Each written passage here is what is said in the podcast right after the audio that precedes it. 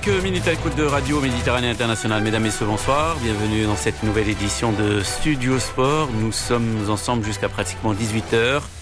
Youssef Chatar et Jalal Bouzrara derrière les micros. Nawal à la réalisation. Une édition de Studio Sport. Il sera question de football, notamment avec les éliminatoires de la prochaine édition de la Coupe d'Afrique des Nations. Le large succès des Lions de l'Atlas, 4 buts à 1 passe à la République de Centrafrique. Wahid Alilozic euh, reviendra avec nous, bien sûr, sur cette euh, victoire. On suivra aussi l'analyse de Hassan Ben Abisha, l'ancien international marocain, actuel entraîneur du CAC de Kenitra. Il sera question également de football en Algérie, ces éliminatoires avec les euh, Fennec qui se sont euh, imposé. Jamal Belmadi réagira après euh, donc euh, cette nouvelle victoire de l'Algérie qui domine son groupe. Et puis l'Algérie, on y reste avec le décès de l'ancien président de l'équipe de la jeunesse sportive de Kabylie. Le président Hanashi décédé cette semaine des suites d'une longue maladie. L'ancienne gloire du football algérien et du football kabyle, Hakim Meddan, reviendra sur la carrière de Mouhshrif Hanashi.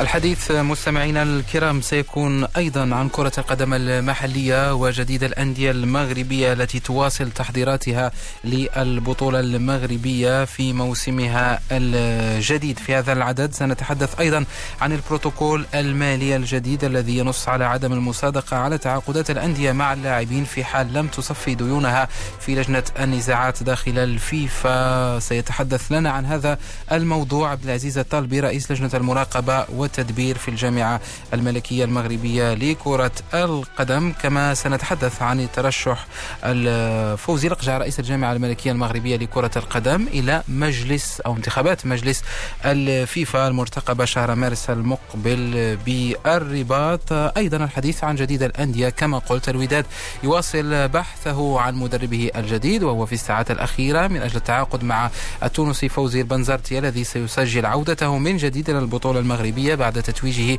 مع الوداد بلقب البطولة وصول رفقة الرجاء إلى نهائي كأس العالم للأندية وأيضا سنتحدث عن كرة القدم داخل الصالة واستعدادات المنتخب المغربي تحت قيادة هشام الدقيق لكأس العالم المقبلة. المنتخب كان خاض وديتين أمام منتخب أوزباكستان الأسبوع الماضي. Les Landia Atlas qui sont euh, actuellement au Cameroun, euh, à Douala, Douala qui va abriter mardi prochain la rencontre entre Centrafrique et la sélection euh, marocaine. L'équipe du Maroc qui vendredi s'est imposée 4 buts à 1 grâce notamment à un Hakim Ziyech stratosphérique. La réaction de Wahid Ali Lozic, le sélectionneur de l'équipe du Maroc. Cette victoire-là, c'est tout à fait mérité pour mon équipe. Je le félicite aux, aux, joueurs. Il faut chercher encore une victoire qui nous donne la possibilité de terminer premier et qualifier pour le prochain camp. C'est un objectif qu'il faut atteindre le plus rapidement possible. C'était pas mal, malgré un petit peu de préparation un petit peu difficile. On avait quelques, joueurs blessés, quelques joueurs qui sont malades. Malgré ça, l'équipe, a, fait un bon job et, il a fait bon match. On a marqué quatre buts et c'est très bien. you. وحيد دليل زيتش الناخب المغربي يتحدث عن هذا الانتصار المقنع على إفريقيا الوسطى بمدينة الدار البيضاء يوم الجمعة الماضية. انتصار كان مهم بالنسبة للمنتخب المغربي نقطيا بما أنه منحه صدارة هذه المجموعة. اليوم الصدارة تتأكد بعد خسارة منتخب موريتانيا بثلاثة أهداف لهدف واحد أمام بوروندي وبالتالي المنتخب المغربي سار بإمكانه حسم التأهل خلال الجولة المقبلة أمام منتخب منتخب إفريقيا الوسطى بدوالة الكاميرونية. تحليل هذه المباراة التي شهدت مجموعة من التغييرات التكتيكية بالنسبة لوحيد الذي جرب غانم سايس على الجهة اليسرى اعتمد على أشرف حكيمي كجناح هجومي وكان مصيبا في ذلك وحيد للوزيتش بما أن حكيمي هو من سجل أول أهداف المباراة. وأيضا شاهدنا بعض الوجوه الجديدة كأيمن برقوق وزكريا أبو خلال الذي سجل هدفه الأول رفقة الأسود في أول مباراة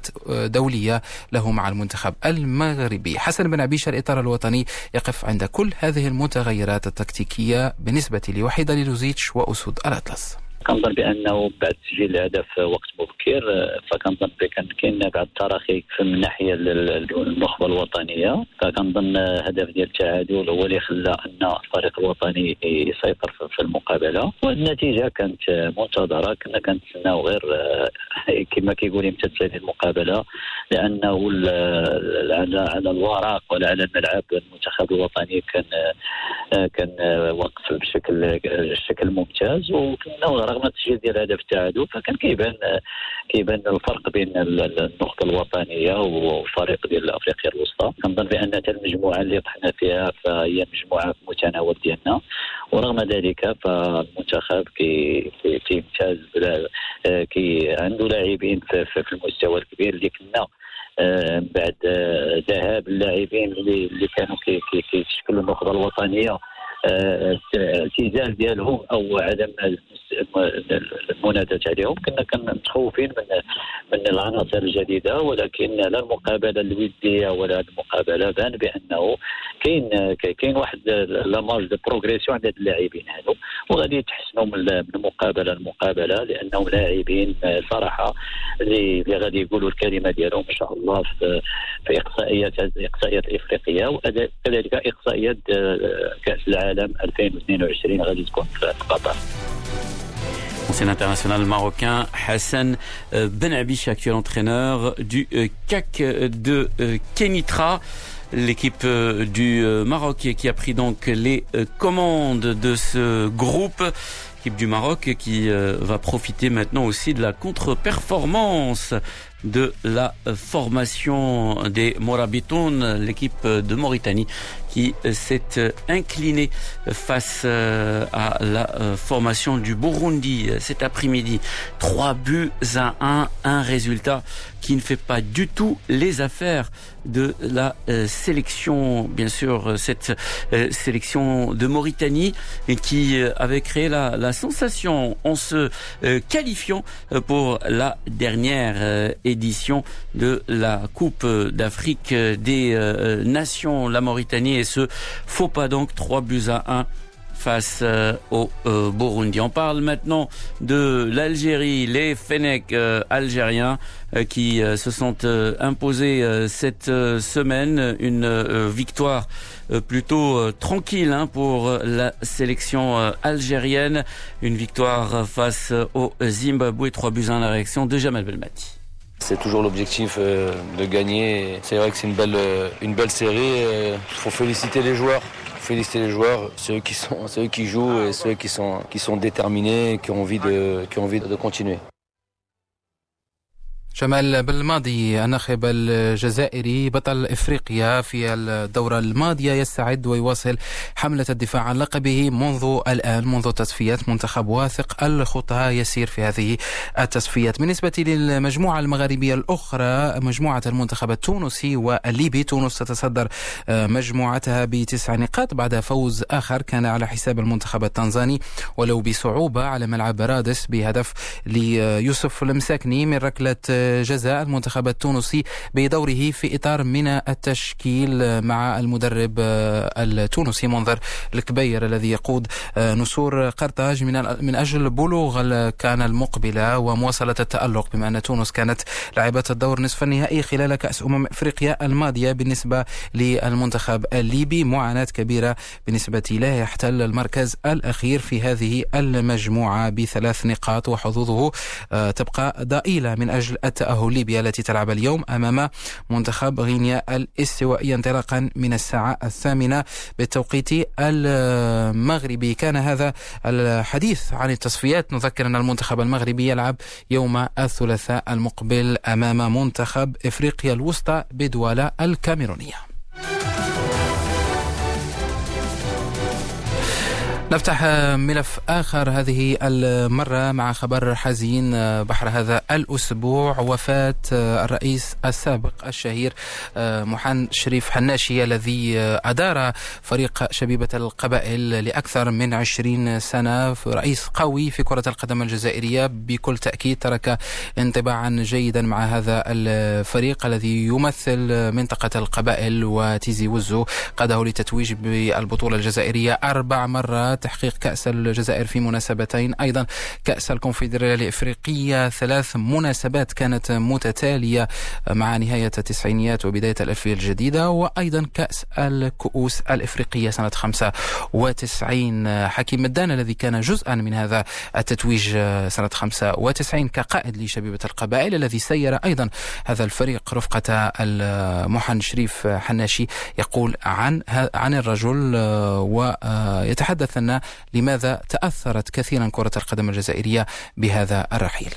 الجزائر فقدت إنسان اعطى كل حياته للرياضة الجزائرية والرياضة في منطقة القبائل وكان رئيس نادي عريق اسمه شبكه القبائل. اليوم يعني غادرنا ونطلبوا له الرحمة وإن شاء الله يعني الصبر والسلوان لعائلته. الرئيس يعني كل الناس يعني كل الناس يخدموا معاه مباشرة وغير مباشرة. يعرفوا يعني حبه وكل يعني الأنصار في الجزائر يعني في القطر الوطني يعني كانت عنده شعبية كبيرة لأنه إنسان إنسان يمد يمد الكثير للكرة الجزائرية والكرة في في منطقة القبائل ولكن يعني الصفة هي هي كان حبه للفريق يعني أعطى وقته أعطى صحته أعطى أمواله كلها للفريق الفريق تاعو اللي هو شبكه القبائل. وهو كان الهدف تاعو الأساسي هو التتويج بالالقاب يعني التتويج ويعطي الفرحة لمناصرين فريق شبكه القبائل. لأن كنا في العهدة ديالو كنا يعني في البطولة نفوزوا وكان يعني أمنيته هو يعني يسيطر على الكرة الافريقيه كما فزنا ثلاث كؤوس إفريقية يعني على التوالي متتاليه هذا هو يعني الشخص اللي كان يعني يبذل كل مجهود تاعو وما عندوش ما يقصر في أي شيء لأن عاش أكثر مع فريق شبكه القبائل أكثر وقت اللي عاشوا مع العائلة تاعو. كره يعني كانت محب لأنه كان لاعب سابق كان مسؤول ثم أصبح رئيس. يعني لهذا يعني نقدر نقول لك يعني ابدا ابدا يعني فريق فريق شباب قبائل أو أي نادي في الجزائر ما يقدر يكون عنده مسير مثل محمد شريف حناشي. كيف كانت علاقة آه، ونعلم آه، ذلك آه، الراحل حناشي مع الأندية المغربية نعلم جيدا بأن العديد من الزملاء حدثونا عن يعني العلاقات القوية التي كانت تربط حناشي بالعديد من الأندية المغربية سيمدان. كانت عنده علاقة طيبة مع الرئيس رئيس الرجاء البيضاوي وأيضا رئيس الوداد آه، ونشفى باللي في عدة مرات كان راح خذ الفريق ودار ودار تربص في المغرب يعني. في المغرب يعني كان عنده علاقات جد وطيبة وأيضا لما لما الفريق يعني فريق حسنيتي اكادير لما لما فتحوا الملعب الجديد دعوا فريق شباب القبائل لحضور لحضور يعني اول مقابله في الملعب. هو حقيقة يعني كل الناس يعني من في إفريقيا إنسان يعني إنسان آه، كما إحنا نقولوا في الجزائرية إنسان قلبه كبير. يعني حنين يعرف يضيف الناس عنده معاملة طيبة مع الأشقاء. هو هذه الصفات وكان يحب يعني اللاعبين تاعو كان كل اللاعبين كانوا يعني كنا كل لاعبين. يعني نحسوا باللي أخ زميل أب. يعني هو هو اللي يستكلف كان مسؤول علينا مسؤول بأتم معنى الكلمة في كل الجوانب. La disparition donc euh, du euh, président emblématique, historique de, la jeunesse sportive de Kabylie, euh, le président euh, Hanashi. Euh, on parle euh, maintenant autour au Maroc avec Fawzi le président de la Fédération royale marocaine de football, candidat au Conseil de la euh, FIFA, la Fédération internationale de euh, football, euh, une élection qui se tiendra à Rabat le 12 mars prochain. C'est la première fois de l'histoire que le Maroc se présente candidat pour un tel poste au sein de l'instance dirigeante du football mondial. On écoute Hamza Al-Hajwi, premier vice-président de la Fédération royale marocaine de football. Il revient sur cette candidature de Fawzi On l'écoute.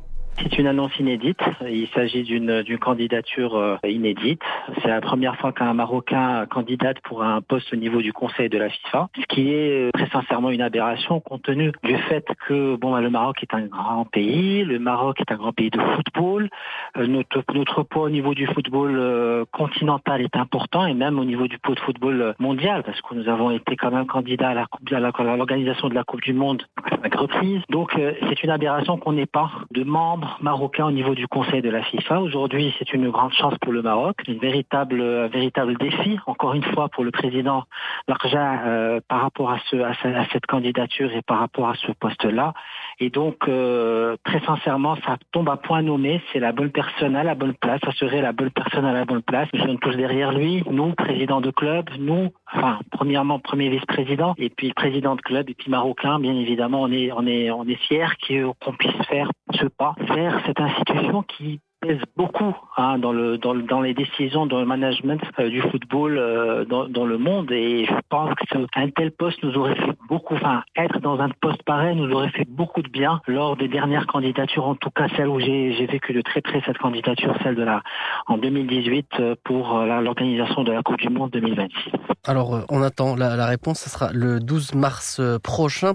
Une candidature qui intervient en vue de la prochaine Assemblée générale de la Confédération africaine de football c'est prévu à Rabat. Concrètement, qu'en est-il des chances de Fozirja euh, dans cette élection?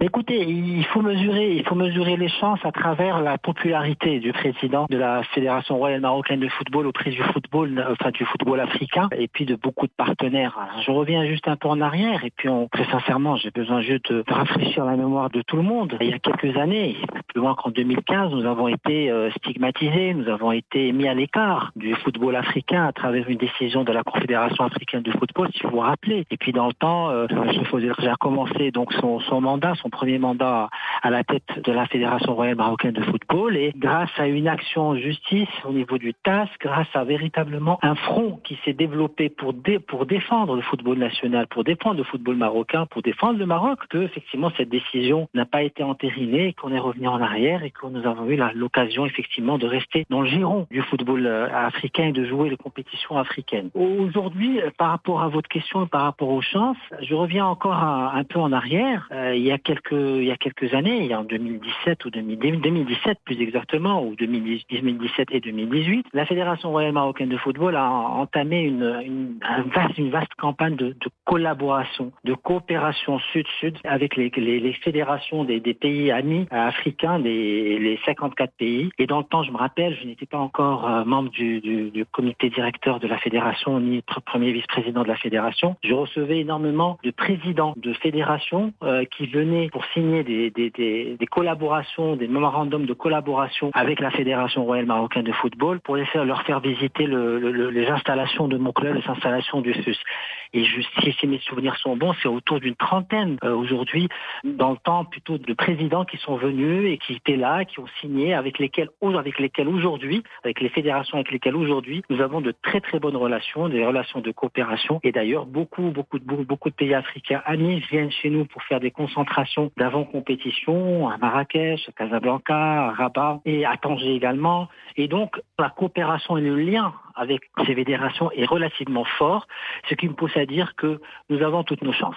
Très sincèrement, nous avons toutes nos chances. Et euh, connaissant la personnalité, le personnage, le, le bonhomme, M. Fozil Khaja, le président, il a, il a, il a une telle popularité, enfin une grosse popularité auprès de ses, de, de ses, de ses confrères au niveau des, au niveau de la, Confédération africaine. Euh, je le vois à travers euh, énormément de contacts qu'il a au niveau de, au niveau des différents congrès. J'étais avec lui aux, différents congrès de la CAF et de la FIFA. Et tout cela me pousse à dire que, enfin, d'être très optimiste par rapport à la suite. Eh ben la suite, euh, ça sera le 12 mars, comme on l'a évoqué. Euh, un poste de membre du Conseil de la Fédération internationale de football, la FIFA, l'instance mondiale de la discipline, ça change quoi au juste? Il connaît beaucoup de choses, énormément de choses. C'est ce qu'il nous fallait. Très sincèrement, vous savez, j'étais dans l'intimité d'un certain nombre de décisions qui ont été prises et durant surtout la candidature du Maroc pour la Coupe du Monde 2026. Et un poste pareil, une influence pareille, bah, ça, nous, ça nous aurait beaucoup, beaucoup, beaucoup aidé très sincèrement.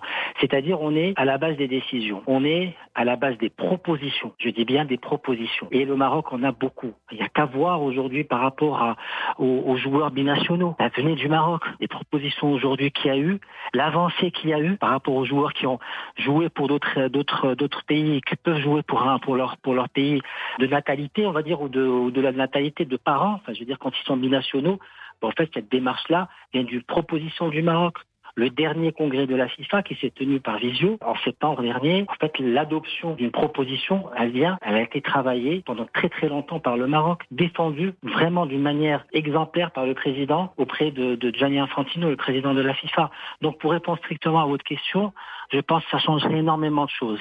C'est plus de poids, plus de possibilités de proposer notre vision du football, notre vision du développement du football mondial.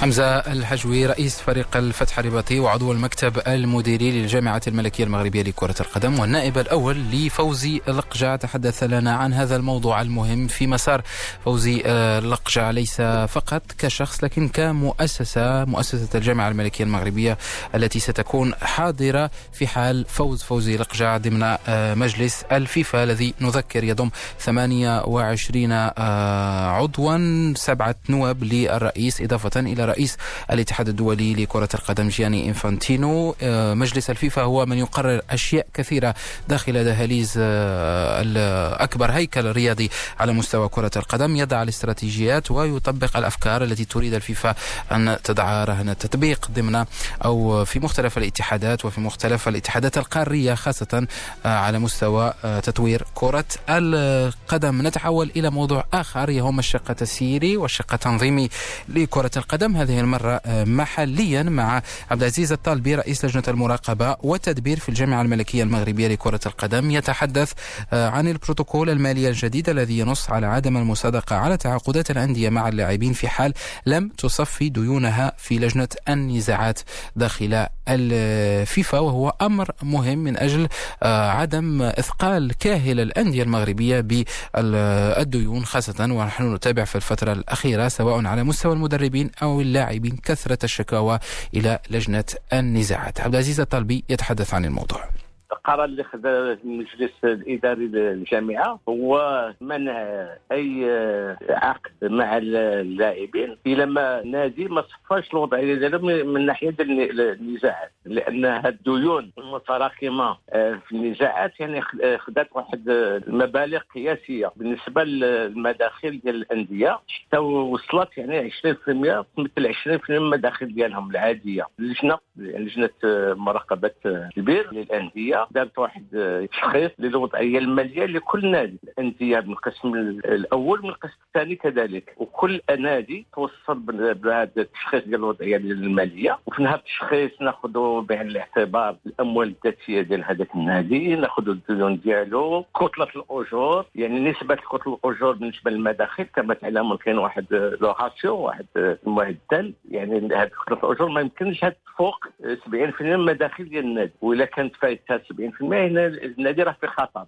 يعني ليس له القدرة لتحمل التكلفات. وكل نادي توصل من هذاك التشخيص وعنده الحق باش يفيد الجامعة بمعلومات إضافية ولا يعني تصحيحات اذا كان. هناك لجنة داخل الجامعة فيها لجنة مراقبة التدبير التدبير. كذلك لجنة نظام اللاعبين هي اللي كانت هذه اللجنة هي اللي كتعطي الرخص اللي كتسجلهم. وكذلك ممثلين على العصبه وهذه اللجنه على حسب هاد هاد الإجابات اللي غادي تكون معايا غادي إما تسمح لهذا النادي باش يبرم اتفاقيات مع لاعبين يمكن يزيد في الخطه الأولى كان ممكن على الإمكانيات وكذلك تمنعوا من من عقد من عقود إضافية اذا كان مازال ما سددش الديون ديالو مثلا في في محل النزاعات. وهذه النزاعات كاين نزاعات اللي بت فيها هذيك اللجنة ديال النزاعات ديال الجامعة وكذلك الفيفا وحتى نعم. وهذا الشيء اللي عبد العزيز الطالبي إذا سمحتي يعني عذرا على المقاطعة. نفهم من كلامك أنه الشرط الأساسي اليوم من الناحية القانونية من قبلكم اللجنة طبيعة الحال لجنة المراقبة والتدبير هو أنه لا يمكن تأهيل أي لاعب تعاقد مع هذا النادي أو ذاك إلا بعد تصفية كل الأمور ديال النزاعات في لجنة النزاعات. واش نفهموا بأن هذا هو الشرط الأساسي؟ أنه واخا تعاقد مع لاعب ويتم إرسال العقد إلى الجامعة. لا يتم تأهيل هذا اللاعب. هذا اللي نقدروا نفهموا من كلامك. هذا هو الشرط الأساسي. يعني هذا القرار تاخذته المجلس تاخذ المجلس الإداري للجامعة. وهذا لا يمكن يعني آه، ما يكونش حتى une exception لا dérogation ما يكونش استثناء. النادي اللي ما سددش الديون ديالو بالنسبة لا يمكنه أن آه، يقوم بإبرام عقود مع اللاعبين أو مع المدربين. عبد العزيز الطالبي رئيس لجنة المراقبة والتدبير في الجامعة الملكية المغربية لكرة القدم تحدث عن البروتوكول المالي الجديد المعتمد خاصة فيما يخص تعاقدات الأندية مع اللاعبين. بعد الفاصل سنتحدث أكثر مستمعينا الكرام عن التعاقدات ومجموعة من الأخبار التي تخص الأندية المغربية سواء قطبي الدار البيضاء أيضا المغرب الفاسي وحسنية أكادير. كل هذا بعد فاصل يقودنا إلى موجز الخامسة والنصف. تكرموا بالبقاء معنا –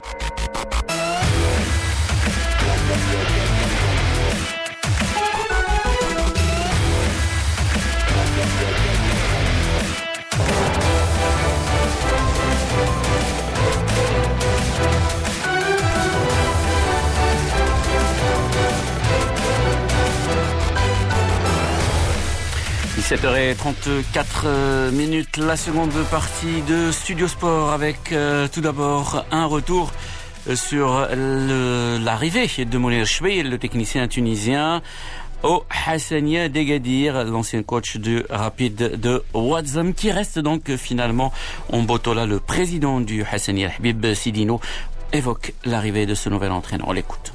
Nous l'avons connu euh, pendant le championnat. Et puis euh, nous avons décidé de l'appeler avant le début de la préparation de l'équipe pour euh, envisager une coopération entre les parties, entre le club du Hassani Dekatir et Monsieur Mounir Sibiye.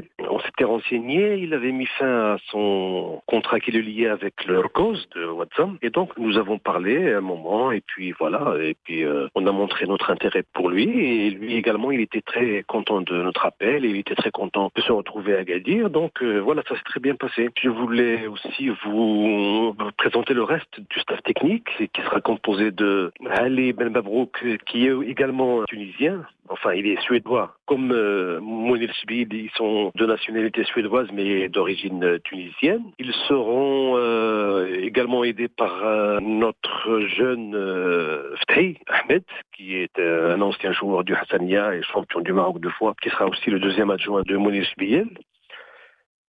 Euh, le, nous gardons notre entraîneur de, de, des gardiens de but, euh, qui est Abdelatif euh,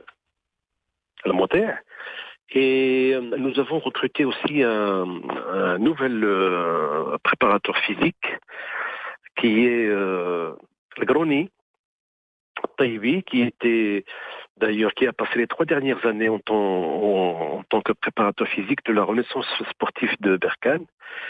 Euh, donc voilà, c'est le, le, staff euh, technique qui va diriger les, le côté technique de, du Hassania la saison prochaine. Alors c'est une nouvelle aventure qui commence pour le Hassania d'Agadir. Est-ce que vous pouvez nous parler un peu plus des objectifs euh, fixés avec euh, le nouvel entraîneur? Pour les objectifs, écoutez, euh, c'est une nouvelle page, je crois, que nous allons écrire, que nous allons découvrir. C'est une équipe qui a, je pense, euh, passé un cap. Euh, nous sommes devenus l'une des, plus importantes euh, équipes sur le continent africain. Nous, nous sommes fiers de notre parcours en, Coupe d'Afrique, de deux saisons de suite. Et c'est donc une nouvelle équipe qui sera sur le terrain, sur les, les pelouses l'année prochaine, enfin la saison prochaine. Et notre objectif, bien entendu, c'est de, de se remotiver, de se retrouver euh, et puis de, chercher des de, nouveaux challenges et l'objectif étant d'être toujours euh, euh, avec les premiers, avec les, cinq ou les six premiers, en attendant que en, en, attendant que la machine puisse reprendre sa vitesse de croisière, disons. nous avons passé une saison assez difficile la saison dernière. En tout cas en championnat, nous avons souffert un petit peu, mais en Coupe d'Afrique, nous avons fait un très bon parcours dont nous sommes fiers et déjà nous pensons à, à notre retour en Afrique et notre, notre, retour en Afrique passe obligatoirement par une excellente saison 2020-2021. Justement, une dernière question euh, qui a un rapport avec euh, l'équipe du Hassania qui était euh, bien partie. On a, on a l'impression qu'il y a eu un avant et après finale Coupe du Trône. Ça a été, ça a fait mal au moral des joueurs. Est-ce que c'est un problème, le problème il a été plus moral que physique lors des derniers souffles de cette reprise de Botola Pro? Oui, je crois que on a dépassé cette épreuve, enfin ce traumatisme, c'était vraiment un traumatisme pour nous, euh, pour l'équipe, pour les supporters. Et nous sommes passés à autre chose. Euh, nous avons vu que nous n'avons pas de chance avec euh, la Coupe du Trône, à laquelle nous tenons et nous avons joué trois finales sans en gagner aucune. Et donc, on est passé à la Coupe d'Afrique, à la Botola, et ceci est oublié. nous allons essayer de, faire mieux la saison prochaine en Coupe et en, championnat. Parce que nous avions pris l'habitude de, jouer trois compétitions, mais cette année, nous, nous allons jouer la Coupe du Trône et la Botola, et ça sera aussi l'occasion de revoir l'équipe, de reconstruire une partie de, l'effectif et de faire mieux et, et toujours aller vers euh, la performance. حبيب سيدينو رئيس فريق حسنية أكادير تحدث عن هذا التعاقد مع المدرب التونسي منير شبيل المدرب السابق لفريق سريع عواد زم الحسنية تأمل من أجل العودة من جديد إلى النتائج الجيدة وعودة الجاهزية لهذا الفريق الذي أمتعنا في السنوات الخمس الأخيرة سواء مع عبد الهادي سكيتيوي مع جامونديا المدرب الأرجنتيني أو أيضا حتى مع المدرب مصطفى أشريف في الفترة الأخيرة حين بلغ الفريق الدور النصف النهائي لمسابقة كأس الكونفدرالية الإفريقية قبل أن يخسر أمام نهضة بركان في الدور نصف النهائي. تحدثنا عن مدرب تونسي هو منير شبير أيضا مدرب تونسي آخر وصل إلى المغرب فوزي البنزرتي الذي آه، جاء للمغرب من أجل وضع النقاط الأخيرة فيما يخص تعاقده مع آه، فريق الوداد البيضاوي الذي يبحث عن مدرب. الوداد أبرم مجموعة من الصفقات على مستوى اللاعبين الليبي مؤيد اللافي صانع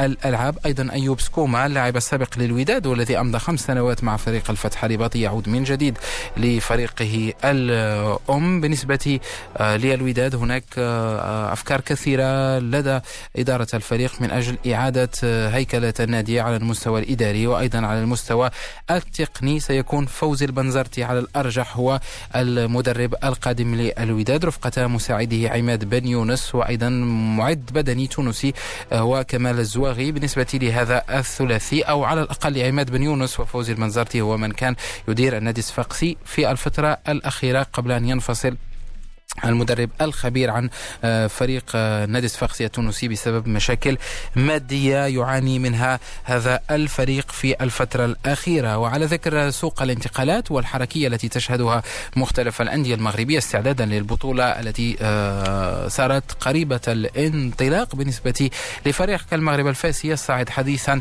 للدرجة الأولى. استعد بشكل مكثف ومجموعة من التعاقدات أبرمها الفريق. مؤخرا أعلن النادي عن تعاقده مع علاء الدين جراي لاعب السابق لفريق نهضة بركان المهاجم والذي يعتبر من اللاعبين المهمين تقنيا في البطولة المغربية الاحترافية. أظهر ذلك رفقة فريق نهضة بركان. أيضا فريق المغرب الفاسي يقال في كواليس النادي أنه يتحدث بصفة جدية مع أسامة السعيد يدولي المغربي السابق الذي قد يكون صفقة جديدة بالنسبة لألماس التي سيقودها في السنة المقبلة. المقبله المدرب عبد اللطيف آه، اجريندو نبقى دائما مع الأندية المغربية هذه المرة مع آه، مدرب آخر يعود إلى فريقه ادريس المرابط آه، الذي توج رفقة اتحاد طنجة بلقب البطولة المغربية قبل سنوات قليلة. يعود من جديد ويقود معسكر الفريق بمدينة اكادير نستمع إلى إدريس المرابط. بالنسبة للاستعدادات كتمر في جو هائل الحمد لله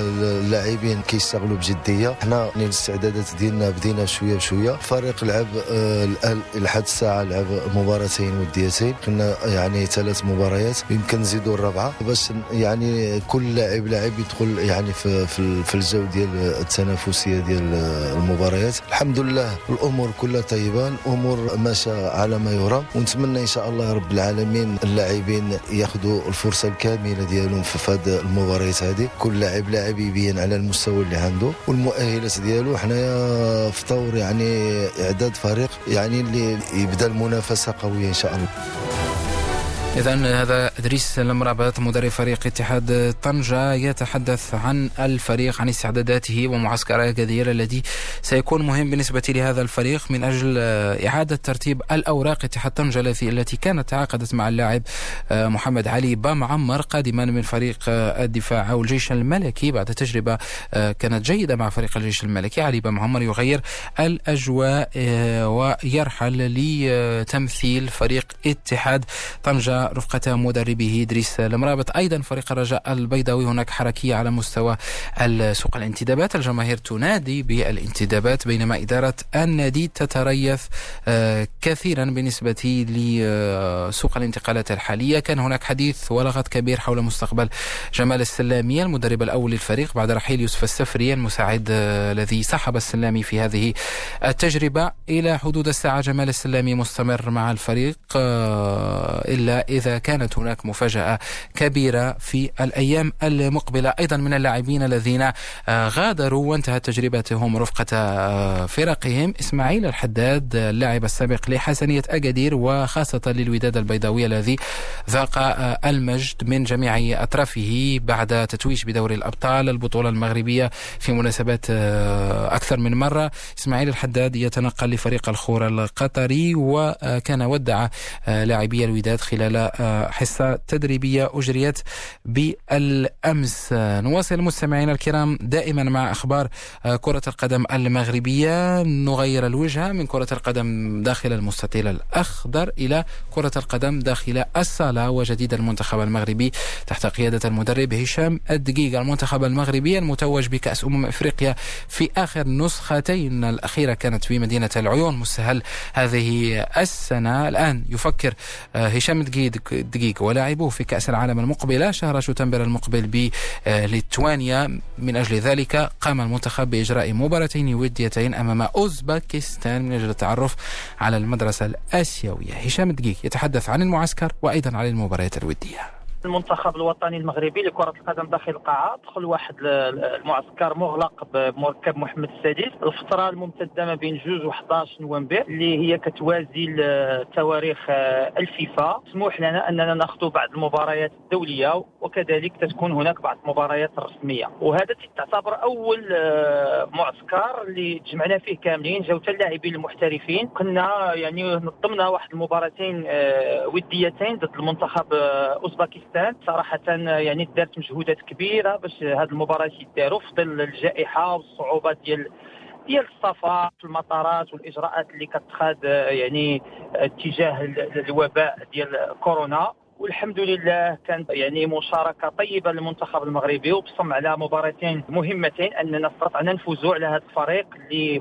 قوي تحتل الصف الثالث في القارة الآسيوية. والكل يعلم أن الفوتسال في آسيا هو جد متطور على نظيره اللي في إفريقيا. نظرا للإمكانيات اولا ثم المسابقات الكثيرة اللي كتكون في آسيا من رابطة الأبطال ثم كأس آسيا اللي كيدار كل سنتين ثم كاين هناك كؤوس كأس غرب آسيا شمال اسيا يعني على العموم الفوتسال الأسيوي أقوى من الفوتسال الإفريقي وكانت هذه تجربة لكن الحمد لله خرجت بسلام وخدينا دروس كثيرة مهمة كانت إيجابيات وكذلك كانت هناك نقائص اللي غنخدموا عليها في مستقبلا إن شاء الله. طبعا آه، المنتخب المغربي في هذه الفترة اللي ارتقى للتصنيف الأول آه، على المستوى الإفريقي آه، يعكس ذلك تطور هذا المنتخب وأيضا ما قدمه في السنة الأخيرة خاصة كأس أمم إفريقيا اللي فاز بها بعد اكتساحه لكل المنتخبات المشاركة بما فيها المنتخب المصري. هذا التصنيف ربما سي هشام جاء واستقبلتموه برحابة صدر وأيضا يعكس العمل اللي قمتم به خلال هذه السنوات اللي مضت. صراحة هذا التصنيف هو ثمرة ديال واحد المجهود اللي, اللي تقريبا دامت أكثر من 30 سنة لأن عمر المنتخب الوطني المغربي ما كان أول في التصنيف افريقيا رغم أننا فزنا بكأس الافريقيا 2016 ثم في 2020 لكن وصلنا للرتبة الثانية ولكن المنتخب المصري كان دائما يتربع على هذه الرتبة نظرا للرصيد ديالو الكبير يعني التنقيط كيبقى مع الممارسة ومع المسابقات منذ تأسيس آه، اللعبة. ولأول مرة الحمد لله خدينا واحد النقاط على المنتخب آه، المصري. وبفضل هذوك المباراتين اللي كنا فزنا عليهم على أوزبكستان. صراحة آه، فضل كبير تيرجع بعد الله سبحانه وتعالى للسيد رئيس الجامعة. اللي عطى تعليمات برنامج ديالنا بعد كاس إفريقيا أننا ناخذ مباريات دولية. اولا ناخذ التنافسية آه، ثم نحسنوا التصنيف ديالنا. والحمد لله هذه الاستراتيجية وهذا البرنامج اللي توضع مع السيد الرئيس وكذلك الموارد اللوجستيكية اللي تحطت لهذا المنتخب كلها كانت سبب رئيسي في تطوير اللعبة في هذه المرتبة اللي تيحتلها المنتخب الوطني آه، المغربي آه، حاليا. آه، سؤال أخير آه، سي هشام بخصوص آه، كأس العالم ولو أنه مبكرا أننا نسألك على كأس العالم ولكن فقط هو لربما إنعاش ذاكرة عشاق هذه الرياضة بالنسبة للمنتخب المغربي اللي كانت أهل بجدارة واستحقاق كأس العالم مازال بعيدة ولكن ربما العمل ديالكم والتفكير ديالكم بدأ منصب في كيفاش أن المنتخب يوجد ولكن أيضا كيفاش يرفع المستوى التنافسي من المستوى الإفريقي إلى المستوى العالمي باش يكون جاهز في ليتوانيا شهر شتنبر المقبل؟ بالفعل. فلا علاقة ما بين المستوى العالمي والمستوى الإفريقي وحنا اليوم يلاه في وسط الطريق يعني ما بين الفروق المستحسنة آه، يعني والتصنيف ديالنا تاكد ذلك لكن باش نرتقي خص واحد البرنامج يكون مسطر بواحد الشكل دقيق وهذا الشيء اللي دايرين فاحنا كنوعوا المدارس. اليوم آه، لعبنا مع المدرسة الآسيوية ديسمبر إن شاء الله غادي نستقبلوا المنتخب آه، الروماني اللي هو كذلك من من المنتخبات المصنفة عالميا. ومن بعدها عندنا مباراة دولية مع بطل العالم أرجنتين اللي الحمد لله كذلك درنا معاه يعني العقد وتمت الموافقة من طرف الاتحاد الأرجنتيني. فإحنا هذه الطريقة بغينا نمشيو آه، يعني واحد واحد d'une manière progressive بالنسبة للمنافسات ديالنا. وباش نوصلوا لاتم يكونوا في أتم الجاهزية ديالنا في كأس العالم المقبلة. وإن شاء الله تكون المشاركة ديالنا آه، الثالثة ثابته آه، إن شاء الله.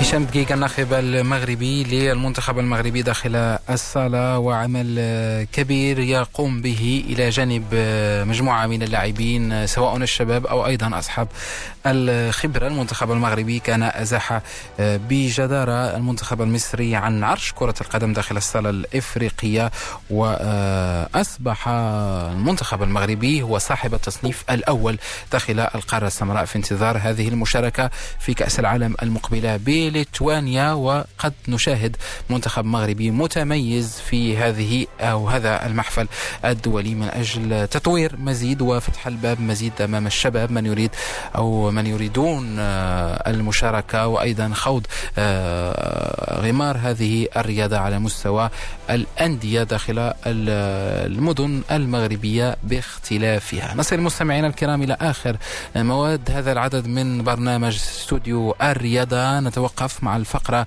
القارة لزميل وديع أحتي قاموس. الرياضة الذي الذي يحدثنا خلاله وديع أحتي عن آه، كلمة الكلاسيكو وهذا المصطلح الذي اقترن كثيرا بفرق ريال مدريد برشلونة الكلاسيكو في قاموس الرياضة رفقة وديع أحتي عبره تتوقف عقارب الساعة في كل بقاع المعمور ويجذب أنظار العشاق من كل مكان. إنه الكلاسيكو أبرز موعد كروي في إسبانيا. عبره تتحدث إذا أقدام ريال مدريد وبرشلونة لغة السحر الكروي منذ القدم في رحاب أكبر مدينتين في إسبانيا. قبل السبر في أغوار التاريخ الرياضي للكلاسيكو ثمة أسرار لغوية واصطلاحية لهذا الحوار الكروي الناري. فمصطلح الكلاسيكو كان في السابق يطلق على المباريات بين فريقي بوكا جونيورز وريفر بليت الأرجنتينيين نظرا للمنافسة الشرسة بينهما على مر التاريخ. ولم يرتبط نهائيا في بواكير الصدامات بين ريال مدريد وبرشلونة وكلمة كلاسيكو أو الكلاسيكو بالإسبانية تعني ببساطة المواعيد الكروية الكلاسيكية أو التقليدية. رأت النزالات البرشلونية المدريدية النور في العام 1902 في سياق صراع سياسي بين المركز الممثل في مدريد من جهة وإقليم كاتالونيا من جهة ثانية. وفي قاموس الرياضة لم نجد أثرا حينها لمصطلح الكلاسيكو الذي سينتظر فترة التسعينيات ليحط الرحال بأقوى نزال في إسبانيا بفضل العديد من المعلقين الرياضيين الإسبان لوصف حجم الإثارة والتشويق اللذين يطبعان نزال الغارمين. بالنبش في صفحات تاريخ نجدها تحدثنا عن فوز برشلونة في أول مواجهة على حساب ريال مدريد. بثلاثة أهداف لهدف واحد وذلك في العام 1902 بلغة الأرقام يتفوق الميرينجي بعدد الانتصارات في المباريات الرسمية برصيد 97 فوزا. على مر التاريخ تزين الكلاسيكو بأسماء العديد من النجوم الكروية. بدءا بأسطورة ريال مدريد في الخمسينيات الأرجنتيني ألفريدو دي ستيفانو وصولا إلى مواطنه النجم المتوهج ليونيل ميسي. فلا يسعنا المقام لذكر كافة الأسماء. ففي الريال نجد بوشكاش وسانتينا إلى جيل الفرنسي زين زيدان ورونالدو وراول غونزاليس وبعدهم البرتغالي كريستيانو رونالدو والبقية. أما سحر برشلونة فيحدثنا عن سيزار ألفاريز ويوهان كرويف ومارادونا ورونالدينيو وتشافي وإنيستا وسواريز وصولا إلى ميسي.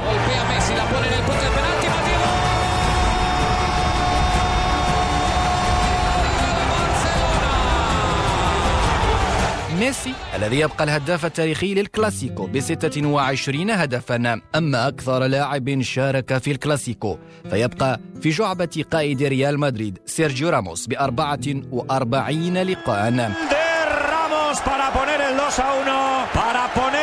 2 a 1, para poner el 2 a 1 en el marcador y poner la victoria del Barcelona, o mejor dicho del Madrid, en bandeja. ولأن جائحة كورونا غيرت الكثير من المعطيات عالميا فقد وضعت الكلاسيكو هو الآخر في خانة أول صدام مدريدي برشلوني هذا الموسم يلعب من دون جمهور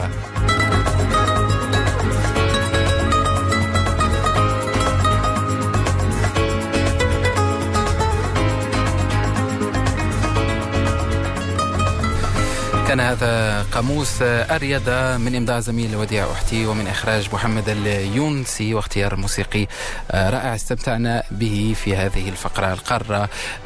من قاموس الرياضة مستمعينا الكرام نصل لختام هذا العدد من برنامج استوديو الرياضة فقط أذكركم بنتيجة مباراة بوروندي ومنتخب موريتانيا التي تهم المنتخب المغربي بما أنهم ينتميان إلى المجموعة الخامسة بوروندي فازت على موريتانيا بثلاثة أهداف لهدف واحد. المنتخب المغربي يمسي في صدارة هذه المجموعة وينتظر مباراته أمام إفريقيا الوسطى يوم الثلاثاء المقبل من أجل حسم التأهل إلى كأس أمم إفريقيا المرتقبة بالكاميرون عام 2022 المنتخب المغربي كان وصل بالأمس إلى دوالا الكاميرونية التي ستحتضن هذا اللقاء بما أن مدينة بانجي عاصمة إفريقيا الوسطى تشهد اضطرابات ولن تستطيع أن تستقبل هذا اللقاء المهم بالنسبة للمنتخب المغربي وحيد لوليزيتش. سيعتمد على تشكيلته القارة ودون غيابات في هذه المباراة. المنتخب المغربي إن فاز كما قلت سيحسم التأهل رسميا إلى الكان المقبلة واليوم منتخب ليبيا متذيل مجموعته ينتظر أو يواجه منتخب غينيا الاستوائية بينما تونس تلعب أمام تنزانيا من أجل حسم التأهل بدورها المنتخب التونسي مع منذر الكبير. بهذا مستمعينا الكرام نصل لختام هذا العدد من استوديو الرياضة. لم يبقى لي سوى ان أشكر نوال أنصار مخرجة هذا العدد وأشكركم مستمعينا الكرام على حسن الإصغاء والمتابعة. نهاية الأسبوع مقترنة بحنان سوريا التي تلتقيكم بعد لحظات في حصاد اليوم. بقية أوقات طيبة على ميديا.